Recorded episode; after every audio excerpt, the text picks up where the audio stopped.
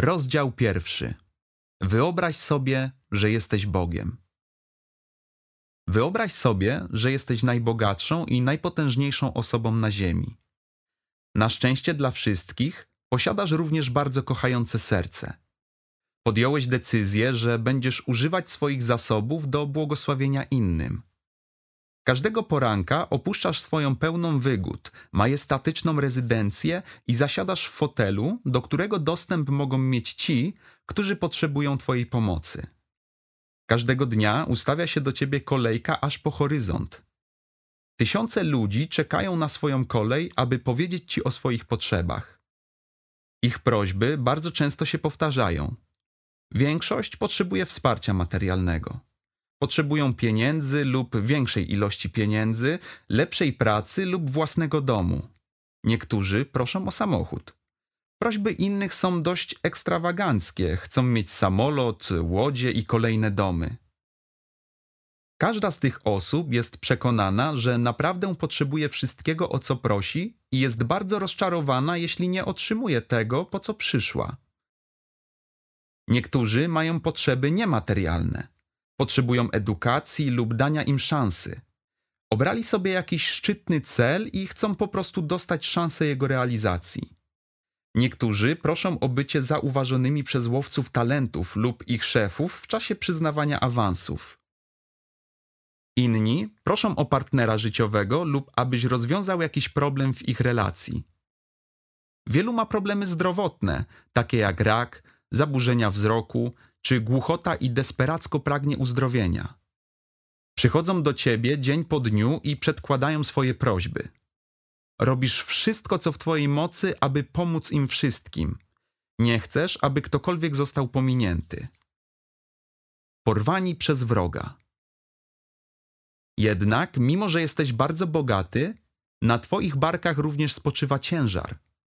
Dotknęła cię największa tragedia, jaką można sobie wyobrazić zaginęły Twoje dzieci, które kochasz nad życie.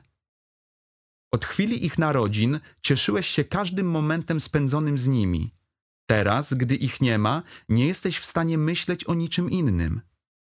Gdyby po prostu się zgubiły, mógłbyś zorganizować poszukiwania, ale stało się coś gorszego. Twoje drogie dzieci zostały zwabione do miejsca z dala od ciebie, a następnie porwane. Nie przez jakąś grupę bandytów pragnących okupu, ale przez twego śmiertelnego wroga, kogoś, kto nienawidzi cię całym swoim istnieniem. Nie może skrzywdzić cię bezpośrednio ze względu na twoją ogromną przewagę. Uknął zatem plan mający na celu cię zranić przez to, że wyrządzi krzywdę tym, których kochasz i za których bez wahania oddałbyś życie. Losu twoich dzieci można łatwo się domyślić będą ciągle wykorzystywane. Ich ledwie rozpoczynające się życie stanie się ciągłym pasmem bólu i cierpienia.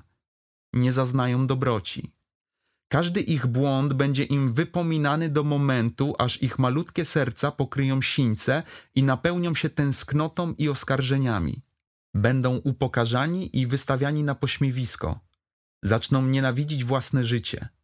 W nocy będą szlochać, a za dnia odczuwać ból i tęsknotę za czymś, czego nie będą w stanie dokładnie określić, ponieważ po pewnym czasie zapomną o swym kochającym ojcu.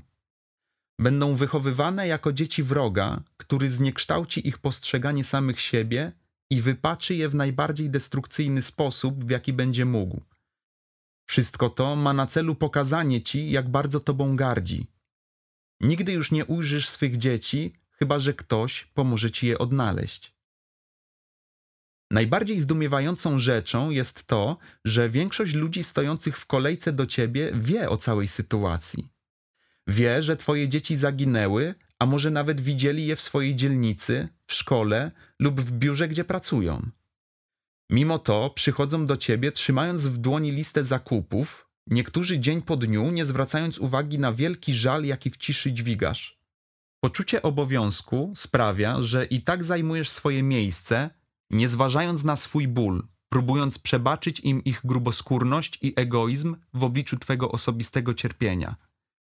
Wciąż pomagasz im radzić sobie z ich własnym życiem, podczas gdy twoje życie jest udręką. Jak byś się czuł? Myślę, że w takiej sytuacji znajduje się dzisiaj Bóg. Wszyscy postrzegamy go jako kogoś, kto zna odpowiedź na każde nasze pytanie. Przychodzimy do niego z każdym naszym problemem, uważając go za niezwykle pilny. Prosimy o zaspokojenie naszych potrzeb oraz o inne rzeczy, które raczej nam szkodzą niż pomagają. Gdy Bóg nie odpowiada nam w sposób, w jaki myślimy, że powinien, jesteśmy rozczarowani i narzekamy. Nie dostałem awansu już trzeci raz z rzędu. Czyżby Bóg nie troszczył się o mnie? Tak, wiemy o Jego dzieciach. Codziennie jesteśmy świadkami ich wypełnionego bólem życia. Diabeł zaślepił ich i związał tak mocno, że nigdy nie zdołają sami się uwolnić. A my z niechęcią pracujemy z nimi w jednym zespole, czy patrzymy na to, jak wprowadzają się do mieszkania obok. Nie potrzebujemy ich problemów.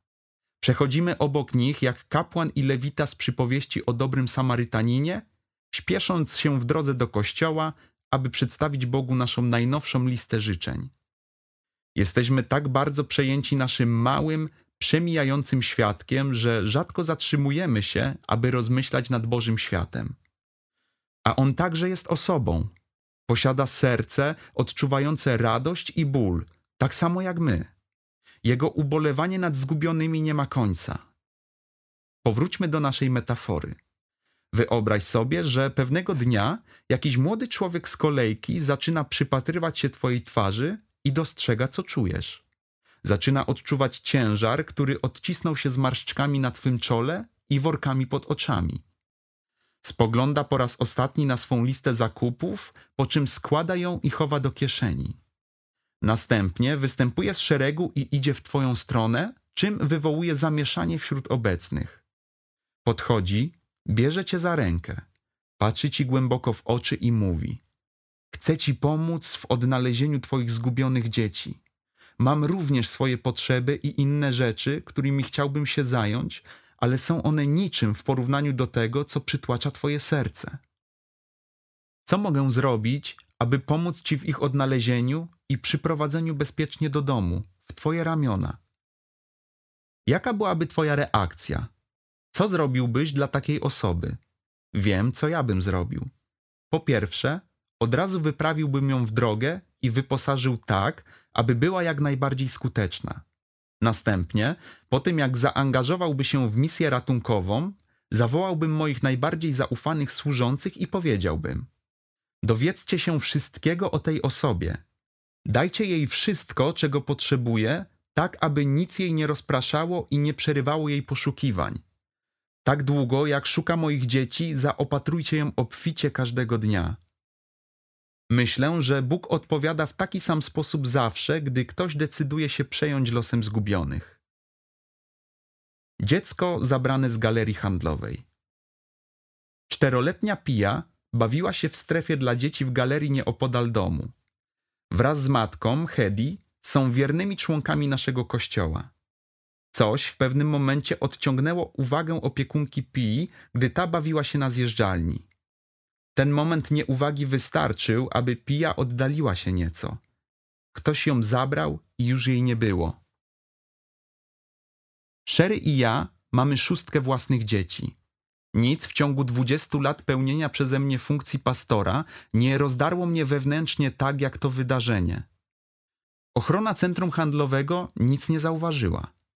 Gdy w panice przeczesywaliśmy cały budynek, zapłakani i przerażeni, mijaliśmy ludzi spokojnie delektujących się lodami w rożku, udających się do kina lub dobierających materiał na zasłony i tapicerkę. Mieliśmy ochotę wykrzyczeć im prosto w twarz. Czy nie widzisz, że pija zaginęła? Pomóż nam! Wiedzieliśmy jednak, że choć bardzo kochaliśmy piję, był to nasz osobisty problem. Ci ludzie nie pomogliby nam, ponieważ problem ten ich nie dotyczył. Wszystko, co moglibyśmy zrobić, to wołać do Boga i prosić Go, aby dotknął serc ludzi, którzy ją zabrali i zmusił ich do oddania jej. Następnego dnia stałem u wejścia do tej galerii, gdyż wyobrażałem sobie, że to właśnie stąd ją zabrali, kiedy otrzymałem wiadomość. Pija się znalazła. Nie mogłem powstrzymać łez. Do dziś płaczę za każdym razem, gdy wspominam o tej sytuacji. Ktoś zadzwonił do galerii z miejsca oddalonego o około 70 kilometrów i powiedział, że jeżeli ktoś chciałby odebrać dziecko, które znaleźli w centrum handlowym, to może po nie przyjechać. Nigdy nie zapomnę łez radości, jakie zalały twarz Hedi tego szczęśliwego dnia. Bóg troszczy się o swoje zgubione dzieci. Troszcz się o innych, a ja zatroszczę się o ciebie. Służąc jako pastorzy na Jamajce, poznaliśmy osobę niezwykle oddaną modlitwie Mavis Reid. Zanim przeprowadziliśmy się tam, Mavis każdą środę przez 20 lat spędzała na poście i modlitwie. Setki ludzi co tydzień przybywały do niej z najodleglejszych zakątków wyspy, aby uczestniczyć w jej nabożeństwie połączonym z postem. Ludzie ci byli świadkami wielu cudów. Setki zostało zbawionych i uwolnionych od demonów. Zaczęły powstawać kościoły. Siostra Reid stała się żywą legendą znaną w kościołach na całej wyspie. Opowiedziała mi, jak to wszystko się zaczęło. Pewnego dnia wysłałam córkę do sklepu na rogu, aby kupiła mi na kredyt puszkę z nabłyszczaczem do obuwia i kawałek gliny, która miała mi posłużyć do uwiązania świni. Wróciła jednak z pustymi rękoma. Właściciel sklepu powiedział, że wyczerpał nam się kredyt. Jeśli chciałyśmy coś kupić, musiałyśmy zapłacić gotówką. Zaczęłam pościć raz w tygodniu, by złamać ducha ubóstwa w mojej rodzinie. Wtedy w naszym życiu zaczęły się przełomy. Natomiast te cudowne rzeczy, o które pytasz, zaczęły się dziać dopiero po tym, jak Pan przemówił do mnie pewnej środy i obiecał, że jeśli przestanę skupiać się jedynie na mojej własnej rodzinie i zacznę modlić się z tą samą werwą o potrzeby innych, to On na pewno zatroszczy się o moją rodzinę. Od tamtej chwili środy są dla mnie dniem modlitwy i postu o potrzeby innych ludzi. Zawsze, gdy Mavis Reid i jej uczniowie zgromadzali się na post i modlitwę o potrzeby innych, działy się niesamowite rzeczy. Byłem świadkiem, jak nasza Mavis w swej prostocie nałożyła ręce na ambasadora Stanów Zjednoczonych i modliła się, aby jego serce było prowadzone dobrymi ścieżkami. Przyjął tę modlitwę z radością. Widziałem też policjantów zatrzymujących w środy swe samochody patrolowe i wchodzących do kościoła, aby otrzymać modlitwę o swą ochronę, zaopatrzenie i właściwą postawę w każdej sytuacji. Co tydzień słyszeliśmy świadectwa o odnowionych rodzinach, uzdrowieniach i całkowitej zmianie ludzkiego życia. Wszystko to działo się, ponieważ jedna osoba zdecydowała się wyjść z żebractwa i wsłuchać się w Boże serce, uczące ją troski o innych. Serce takie jak Jego. Wszystkie cuda Jezusa mają początek w tych słowach. Ulitował się nad nimi i. Współczucie dla zgubionych nie jest czymś naturalnym dla nikogo z nas, ponieważ z natury jesteśmy egoistyczni. Musimy chcieć stać się współczujący. Musimy prosić Boga, aby złożył w nas ciężar Jego serca. Musimy aktywnie poddawać się poruszeniom i kierownictwu Ducha Świętego, który aranżuje okoliczności tak, abyśmy spotykali tych, którzy szczerze go szukają. Biblia mówi, że serce króla jest w ręku Pana, który kieruje je tam, dokąd chce. Przypowieści Salomona, rozdział 21, werset pierwszy. Poproś Ojca, aby skierował Twe serce na właściwe tory. Jeśli Bóg potrafił zmienić serca ludzi, którzy porwali piję z galerii, to o ile łatwiej jest mu zmienić nasze serca, gdy tego chcemy. Przerwij w tym momencie czytanie i pomódl się. Poproś go, aby skruszył Twoje serce tak, jak jego serce jest skruszone. Poproś go, abyś kochał to, co on kocha i nienawidził tego, czego on nienawidzi. Ćwiczenie. Dlaczego nie spróbować trochę poćwiczyć? Idź do galerii handlowej i przechadzając się po niej, patrz na ludzi. Mam na myśli to, abyś rzeczywiście im się przyjrzał i powiedział sobie w duchu: Och, mój drogi, jeśli ktoś nie znajdzie ciebie na czas, nigdy nie ujrzysz ojca. Rób to regularnie, gdy prowadzisz samochód lub idziesz do szkoły czy do pracy. Stopniowo wykształci się w tobie Boże serce. Nie ma potrzeby, abyś komuś głosił. Poczekaj, aż z twojego serca wyleje się Boża miłość i współczucie dla zgubionych. Po tym poznajemy, że trwamy w Nim, a On w nas, że udzielił nam ze swojego ducha. Nasza miłość bierze się stąd, że On pierwszy nas nią obdarzył. Pierwszy list Jana, rozdział czwarty, wersety trzynasty i dziewiętnasty. Poproś dziś Boga o Ducha Świętego i o Jego miłość dla zgubionych.